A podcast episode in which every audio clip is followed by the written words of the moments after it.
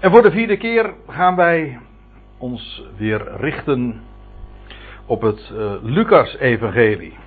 Nadat we de eerste keer ons bezig hebben gehouden met de, ja, met de inleiding over het evangelie zelf. Waarbij Lucas motiveert waarom hij dit boek heeft geschreven, dit eerste boek.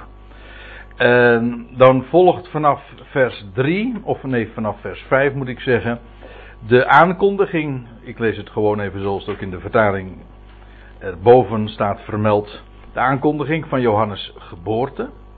En de, dat hebben we voor de vorige keer ook voor een deel nog besproken. En wie die Johannes zou zijn. En zoals hij ook door de boodschapper was aangekondigd.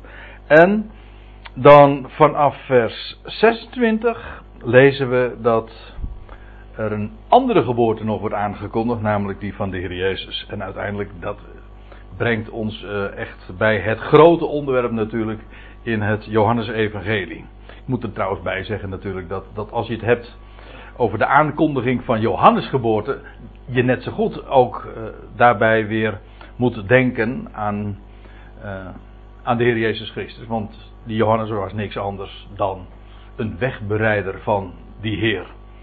Dus alles staat in dat teken. En het lijkt mij een goed idee.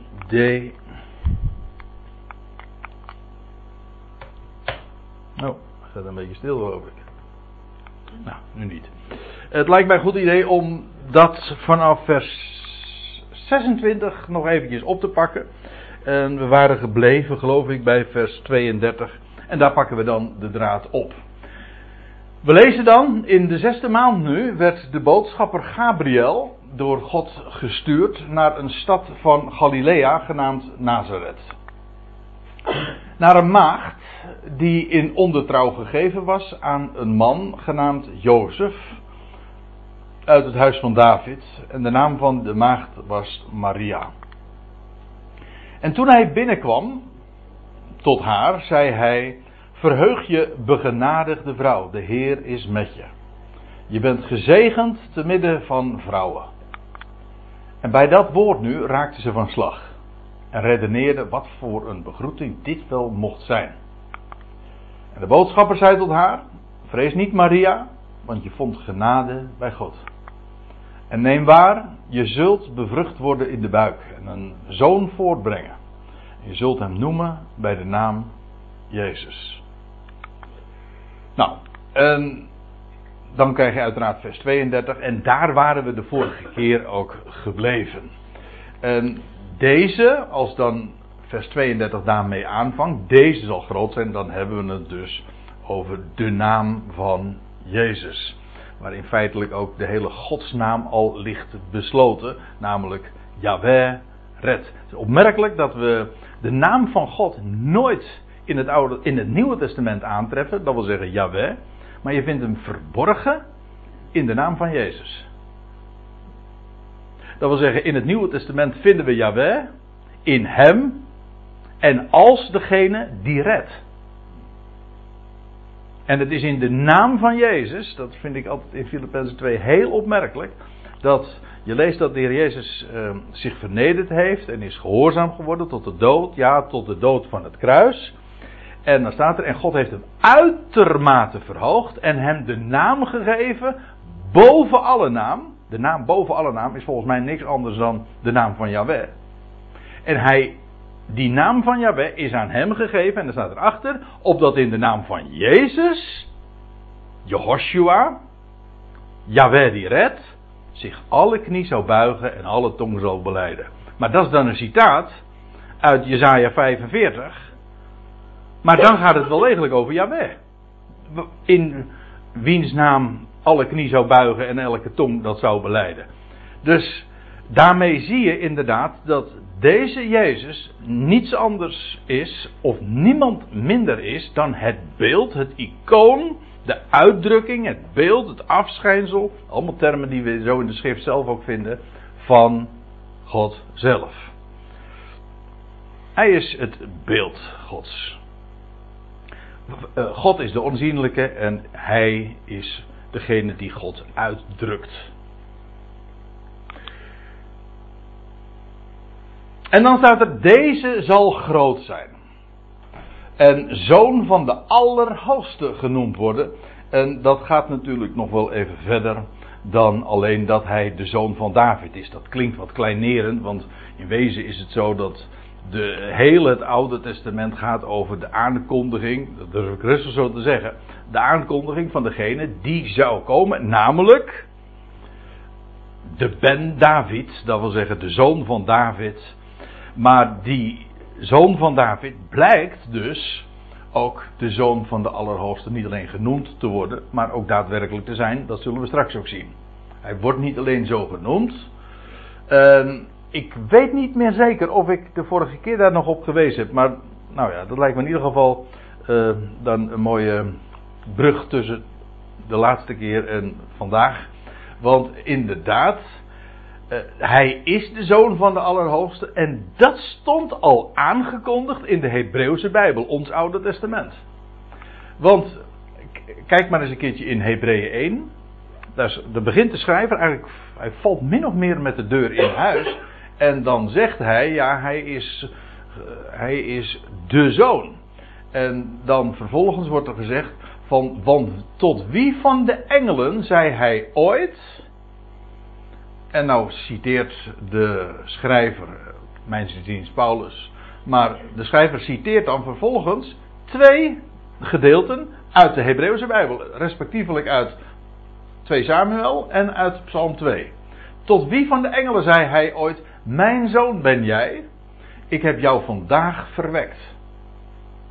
En wederom, op een andere plaats dan, ik zal hem tot een vader zijn en hij zal mij tot een zoon zijn. En dit wordt gezegd tegen David, namelijk over de zoon van David, de Messias. Met andere woorden, de zoon van David zou niet alleen maar de zoon van David zijn, maar hij zou op de een of andere wijze ook een, voor uh, de zoon van, van God zelf zijn.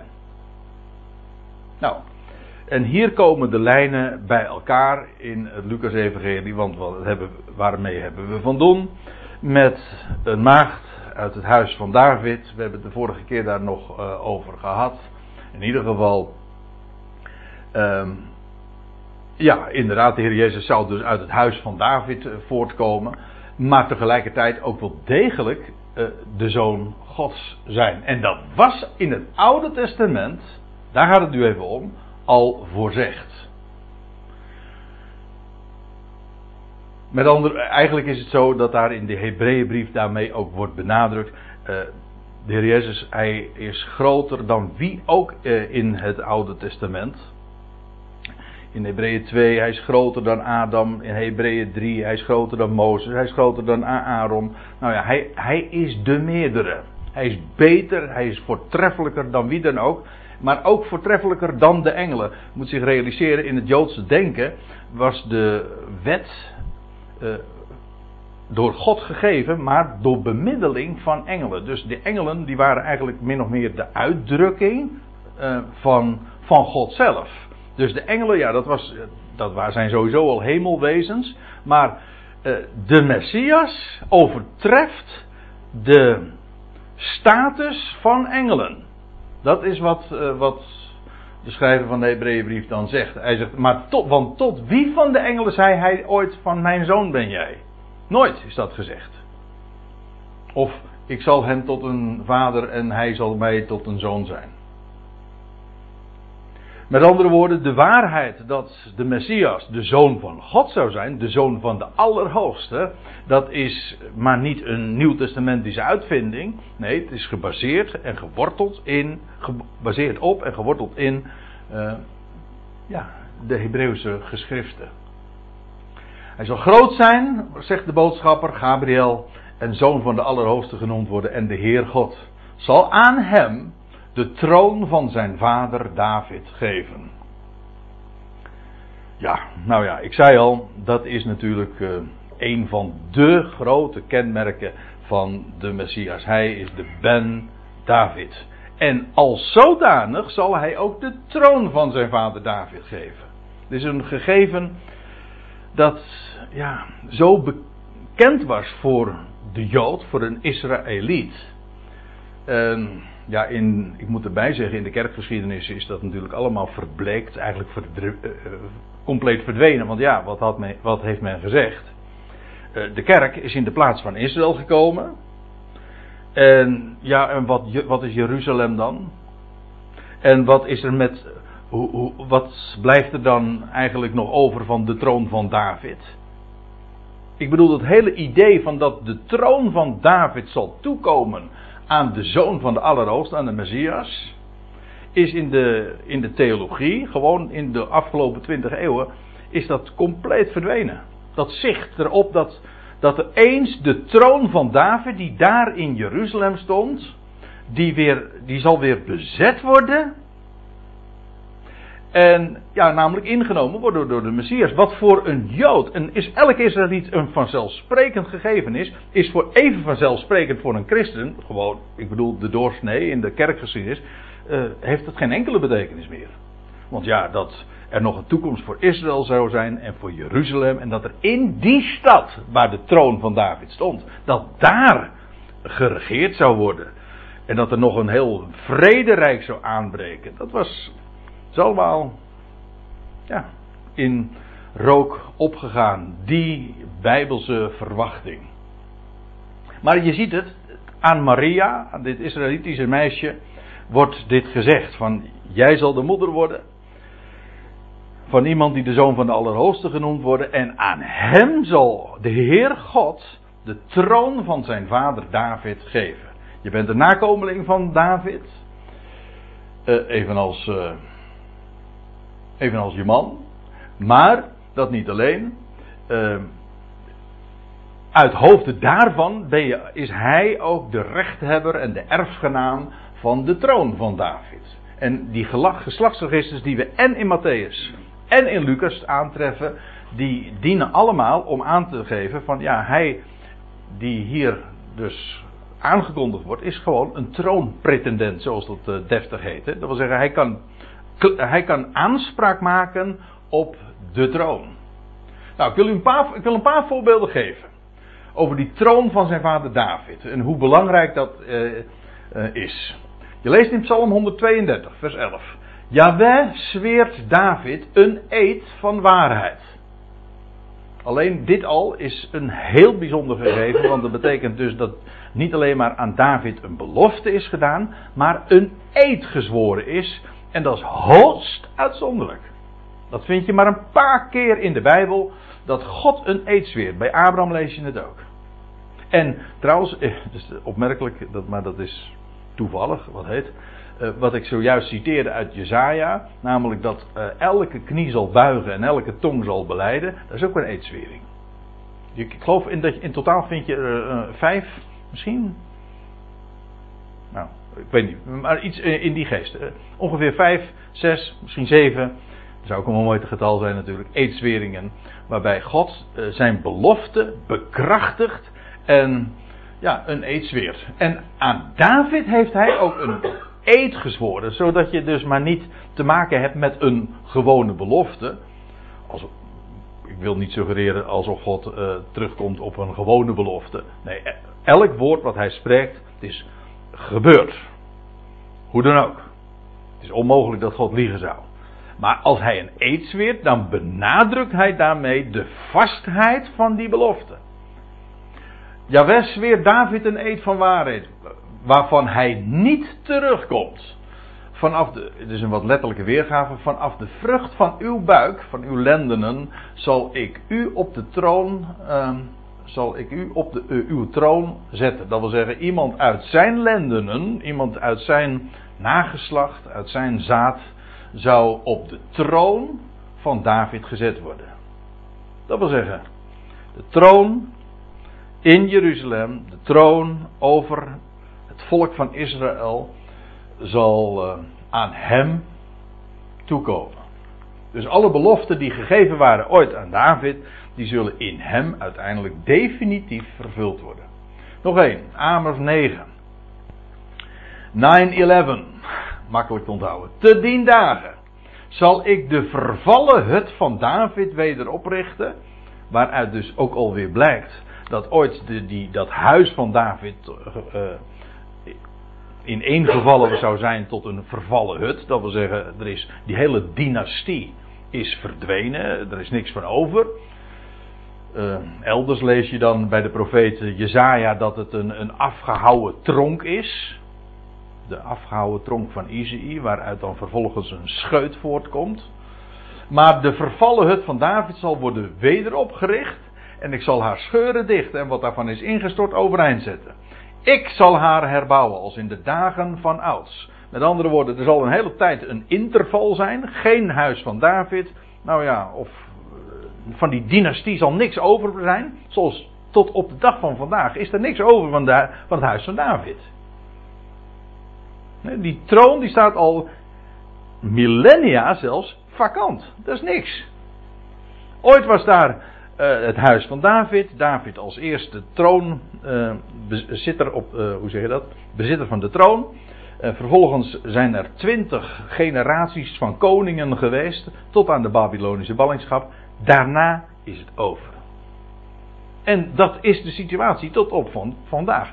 Maar zegt God, belooft God, wat zeg ik, zweert hij een eed, dat ooit die hut van, die, dat huis van David hersteld zal worden. Het, zal een vervallen hut geworden zijn. Maar hij zal het herstellen, wederoprichten. De scheuren worden gedicht. Dat wat ingestort is, er wordt overeind gezet. Hij zal het herbouwen. En maken als in de dagen van, als van ouds. Moet zich realiseren dat de eerste keer dat er sprake is van de zoon van David. Dan hebben we het over Salomo, toch? Dat was in de meest letterlijke zin de zoon van David. Maar die heeft een, al een koninkrijk gehad, ongelooflijk groots. Dat had al in die dagen messiaanse trekken. Trouwens, zijn naam uh, drukt dat ook uit, want Salomo betekent in hem of hij is vrede. Dit jaar. Ja? Hij heet hier dit jaar. Ja, mooi hè? Dus ja, uh, Salomo. Die uh, is, in uit, is feitelijk al een uitbeelding van de, de grote zoon van David. En uh, onlangs hadden we het nog over, de, over, zijn, over zijn huishouding en over zijn duizend vrouwen. In feite, in het Bijbels gezien, is dat zijn duizendvoudige heerlijkheid. Want de vrouw is de heerlijkheid van de man. Als die de duizend had, had het dus duizendvoudige heerlijkheid. Maar dat is feitelijk ook weer een uitbeelding van het Messiaanse Rijk. De duizend jaren, hè, waarin Christus in zijn duizendvoudige heerlijkheid zal heersen.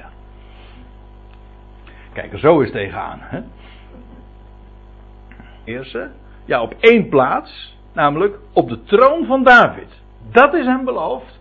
En dat was al, voor, al van eeuwen her beloofd.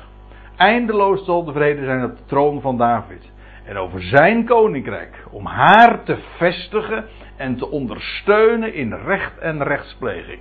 Met andere woorden, we krijgen straks een, een wereldrijk, zoals we die in het verleden gehad hebben, van de Babyloniërs en de Persen en de Grieken en whatever. Maar de definitieve, het definitieve koninkrijk, dat is het koninkrijk dat Israëlitisch is. Dat wil zeggen gevestigd in Jeruzalem. De troon van David. En daar wordt het gevestigd en daar wordt het uitgebreid. En daar neemt het toe. En daar zal het worden ondersteund in recht en rechtspleging. Moet je je voorstellen. Wat, wat een enorme transitie dat is. Deze aion, dit wereldtijdperk wordt gekenmerkt door leugen. En alles is krom. En straks zal er een koninkrijk komen waarin geheerst zal worden hier op deze aarde in recht en rechtspleging. Of rechtsgerechtigheid staat er geloof ik in de meeste vertalingen. Maar dat wil zeggen er wordt recht gedaan. Recht. Van nu aan tot aan de aion. En als je erover mocht twijfelen van of dat wel uh, gerealiseerd gaat worden, dan staat daar tot uh, ter bemoediging bij de ijver van Yahweh, der legermachten, zal dit doen. Aha, dus het is nu, hij heeft er niet eens de hulp van mensen nodig. Dat, dat vind ik trouwens een geweldige bemoediging. Dit is, dit is, geen, dit is niet doordat. Ik, je hebt nu tegenwoordig in, uh, in de christenheid heb je ook zo'n beweging. dat uh, Kingdom Now. Zegt u dat wat? Kingdom Now. En, die, zeg, en die, die, die zijn er van mening dat wij vandaag als, als christenen ons sterk moeten maken om het koninkrijk te vestigen. Nou. A, het is de tijd van de verborgenheid. De koning is verborgen. En dat is helemaal nog niet de bedoeling. En als het gebeurt, dan heeft hij ons helemaal niet nodig en is niet door, door, door politieke actie van een mens. De ijver van Yahweh, der legermachten. Hij zal dit doen. en dat lijkt me een fikse troost. Want dat betekent dat het, dat komt goed. Het gaat gerealiseerd worden. En ook op uh, het precieze tijdstip dat hij daartoe gesteld heeft. Zich gesteld heeft, ja. De Shabbat de zevende dag. Ja, ik moet dan uh, even denken. Ik weet niet of ik het uh, nog even mag zeggen. Ja, ik doe het eventjes. Dat zo'n uh, zo'n zo'n koning, Joas. Weet je, dat was in die tijd. Dat het hele huis van David was uitgemoord. Door die, die heks, die fakes van door een tante Atalia. Dat klinkt. Ja, dat klinkt een beetje als. Uh, oh nee. Je hebt zo'n heks in een zo'n stripfiguur, hoe heet die ook alweer? Hè? Nee, nee, nee, dat is uit de Bijbel, dat is geen stripfiguur. God, dat weet ik. weet niet, maar op een of andere manier uh, komt hij iets. Maar goed, dat doet niet de zaak. Er was Atalia, dat je van Atalia. En die had het. Uh, zij kwam trouwens eigenlijk uit een andere familie, uit het huis van Isabel. En zij had ervoor gezorgd dat het hele huis van David uitgemoord was. Dat was dramatisch. Maar wat was er gebeurd? Eén prins die net geboren was, hebben ze in veiligheid gebracht door een andere tante. Dat was, uh, dat de. Goh, hoe was dat ook alweer? Dat was de, de vrouw van de Jehoshabat heette ze. Dat was de vrouw van de hoge priester. Die had, uh, die had dat ventje, die prins dus eigenlijk, de enige overgebleven. Had ze, in de, uh, had ze in de binnenkamer van het heiligdom bewaard. En een heel aantal jaren heeft dat, die kleine Joas is daar gewoon verzorgd. En niemand wist daarvan. En op, in het zevende jaar lees je dan, het ook op de zevende dag staat er, dan wordt er een opstand gecreëerd. Dan zorgt de hoge priester ervoor dat die Joas tot koning wordt uitgeroepen. En dan is dat ventje dus nog maar zeven, zeven jaar oud. En, dan en uh, Atalia, als die dan uh, er lucht van krijgt, want ja, haar paleis stond ook in Jeruzalem. Als die er dan lucht van krijgt, dan, dan, dan slaat de schrik om haar hart. Want dan ineens blijkt dat zij dacht dat het hele huis van David was uitgemoord. Maar er blijkt dus nog een prinsje te zijn.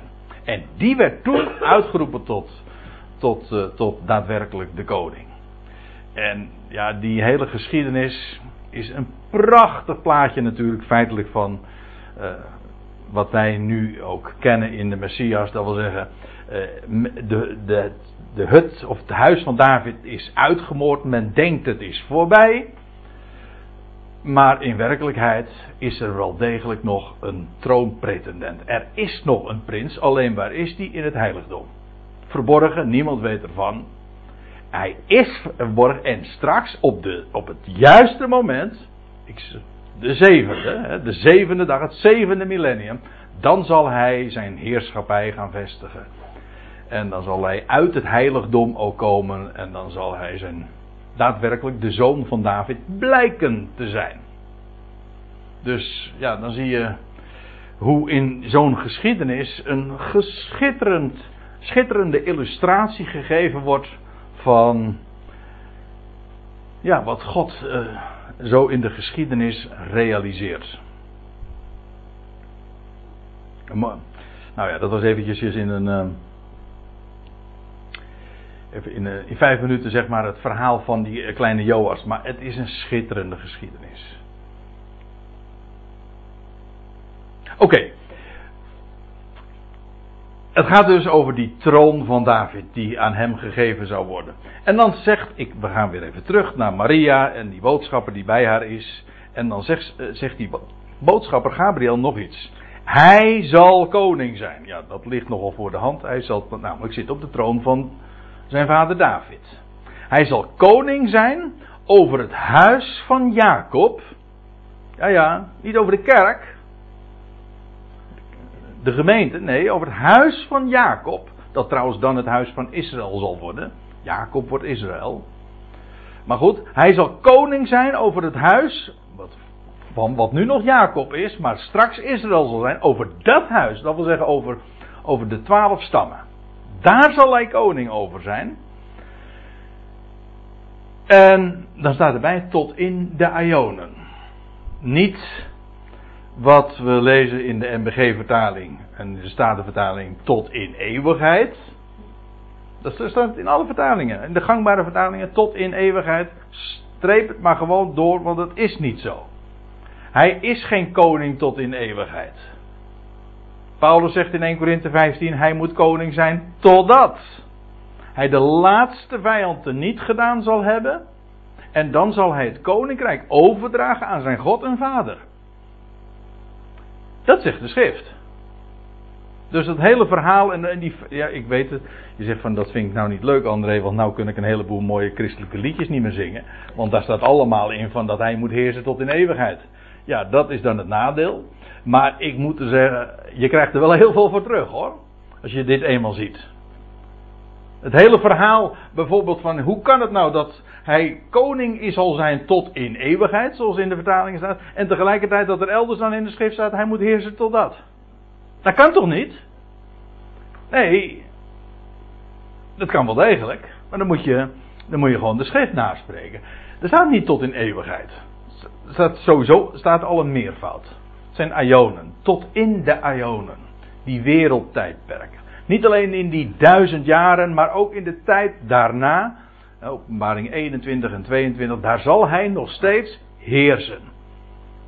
Daar, eh, waaruit trouwens ook volgt dat daar dan ook dus kennelijk nog steeds de dood moet zijn. Want hij moet heersen totdat hij de laatste vijand, de dood, teniet gedaan zal hebben.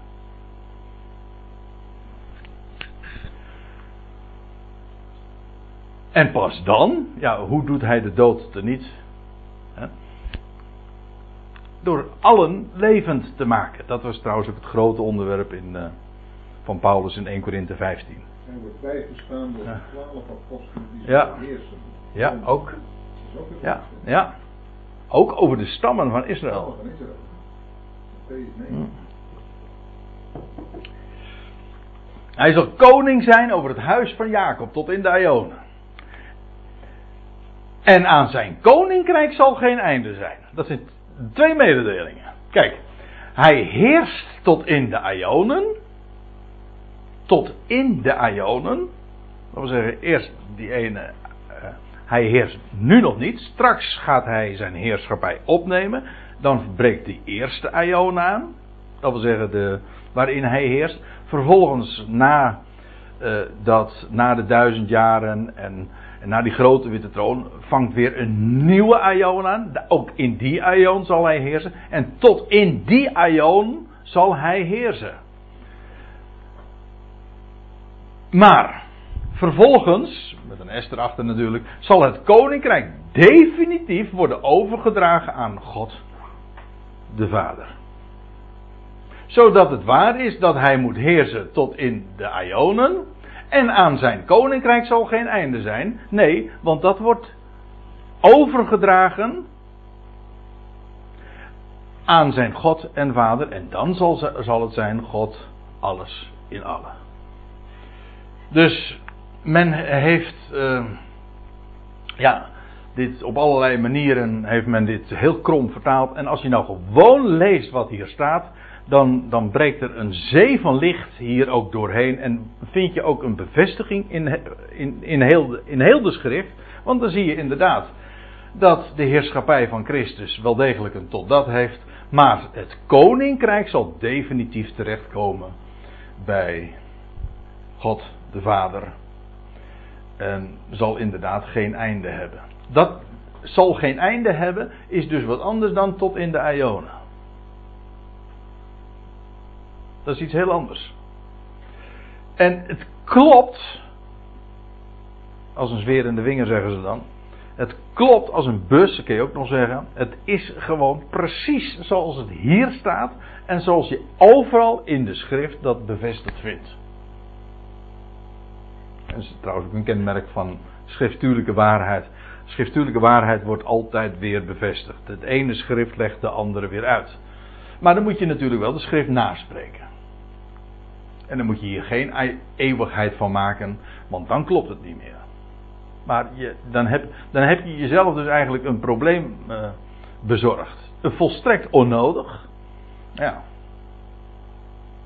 Nou, laten we het daar verder maar niet over hebben, want dat is. Uh, dat onderwerp is uh, te groot. En bovendien, ik denk dat we dat in dit gezelschap inmiddels wel, wel weten. Maar het is wel heel erg raadzaam om dit nog eens even heel goed te realiseren. En hoe ook om ons ook te verbazen en te verwonderen hoe harmonieus de schrift is opgebouwd. Dat hier in deze twee mededelingen de rest van de schrift eh, bevestigd wordt en daarin ook aansluiting vindt.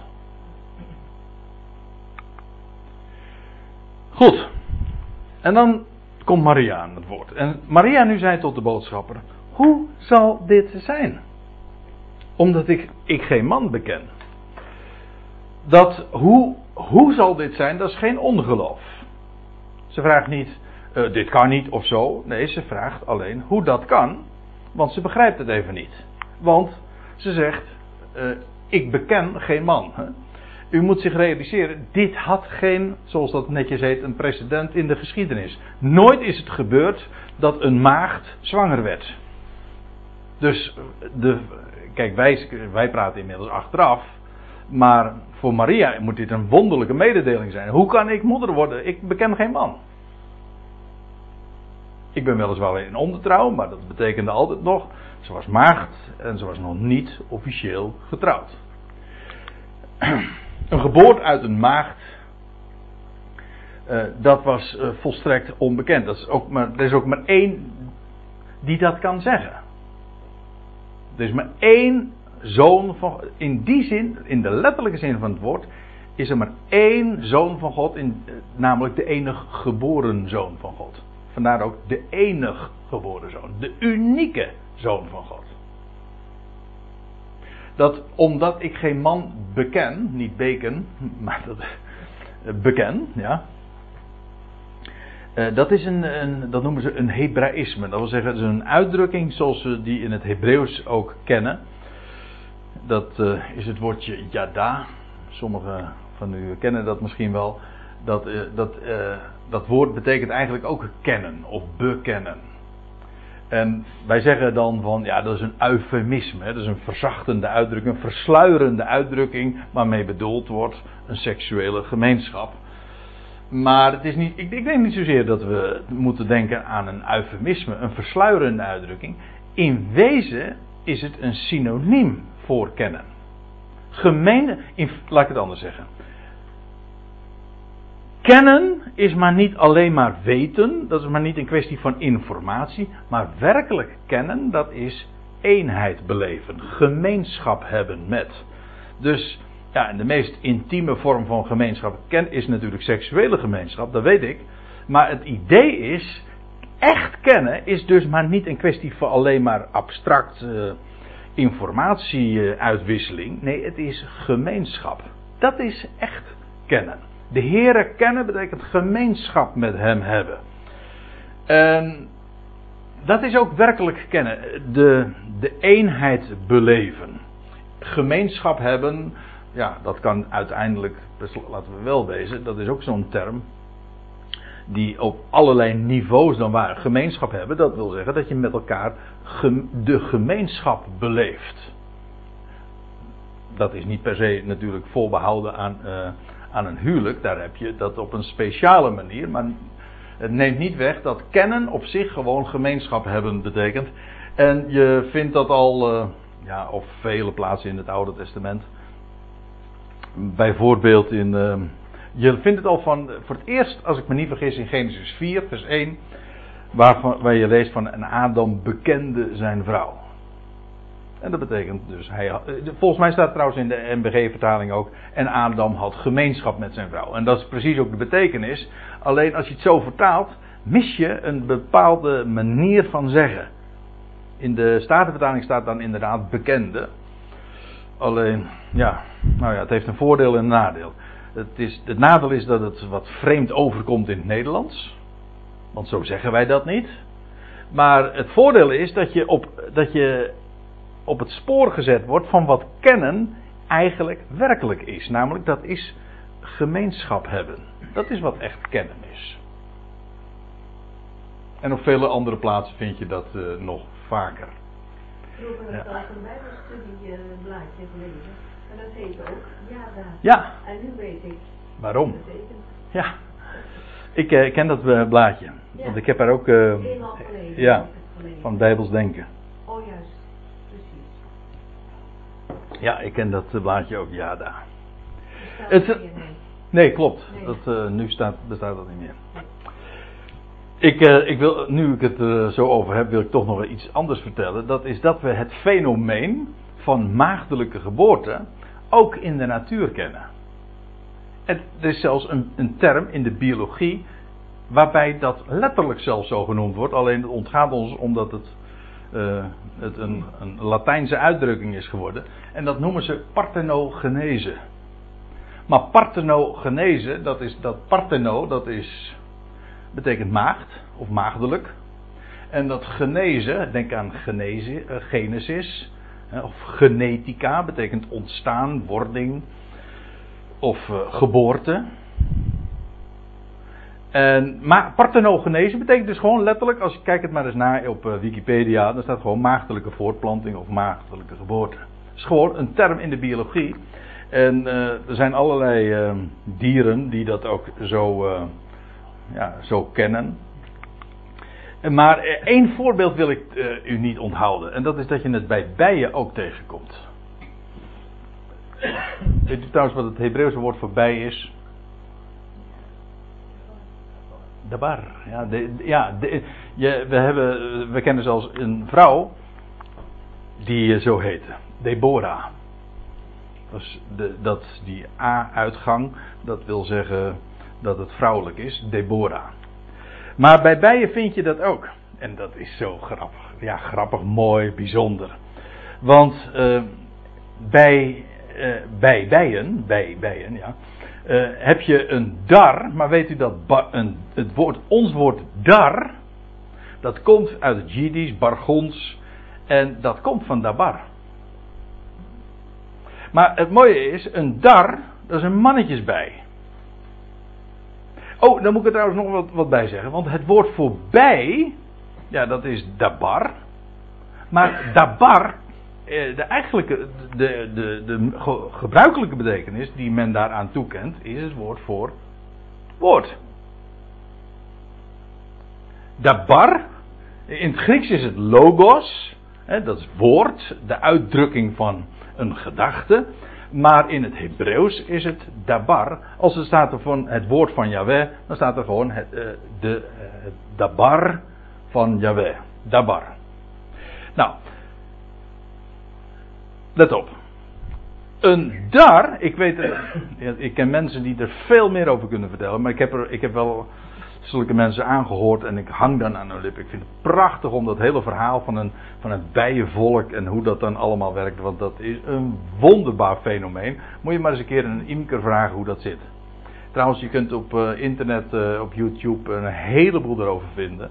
Maar één eh, ding is bekend, wat ik nu zeg is niet zo onbekend, dat een dar komt voort uit een onbevrucht ei. Dat is dus parthenogenese. Als het, als het eh, eitje wel bevrucht is, dan heet het een werkster. Maar als, bevru- als het niet bevrucht is, dus eigenlijk maagdelijk, dan is het een dar. En zo'n dar, eh, ja, die doet niet zoveel, die dart alleen maar een beetje. Daar, daar zeggen we het ook zo. Hm?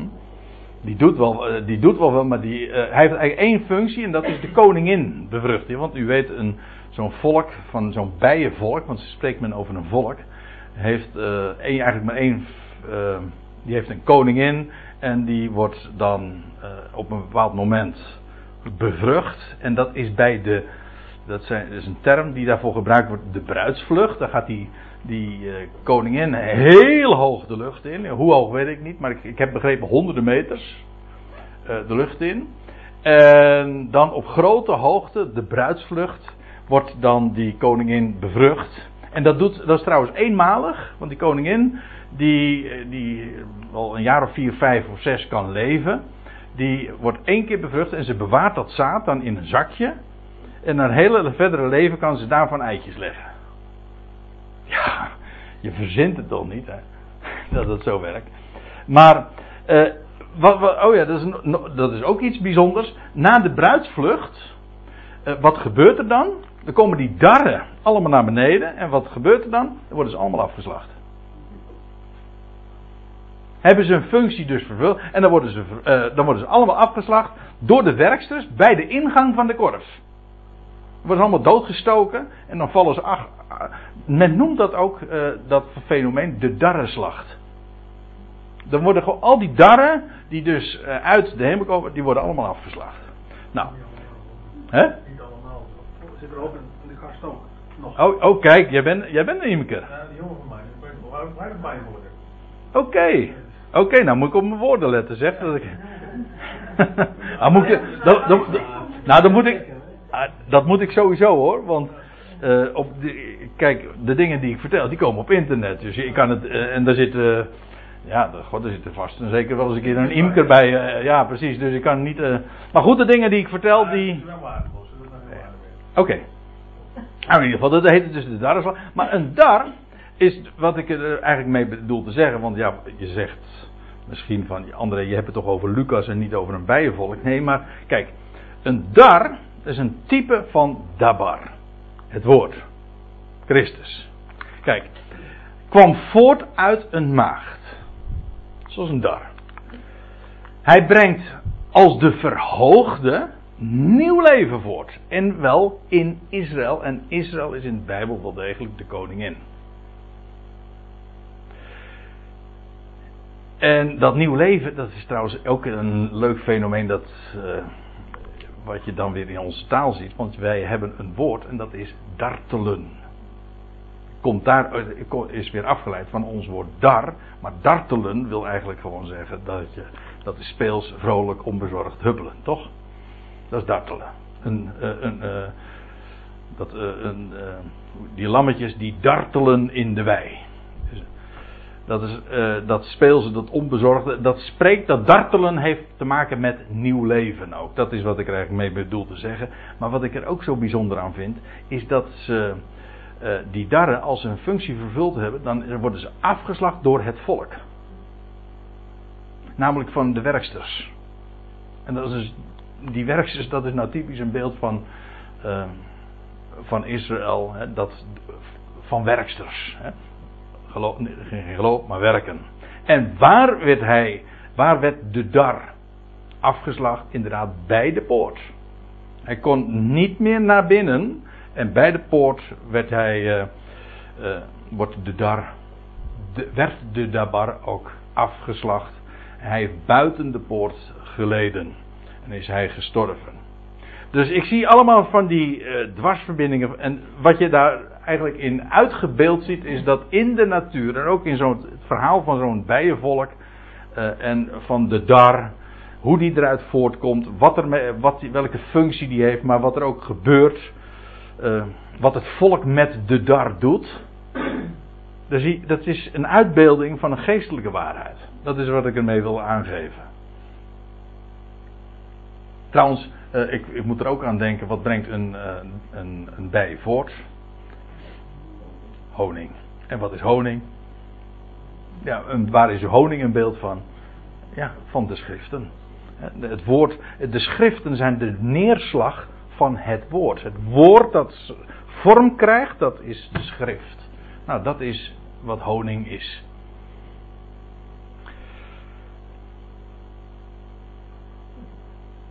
Ja, Ik, het is misschien een beetje vroeg, maar eh, ik stel voor dat we het hier even bij laten. Dat we eerst even gaan pauzeren en dan pakken we straks de draad op bij vers 35.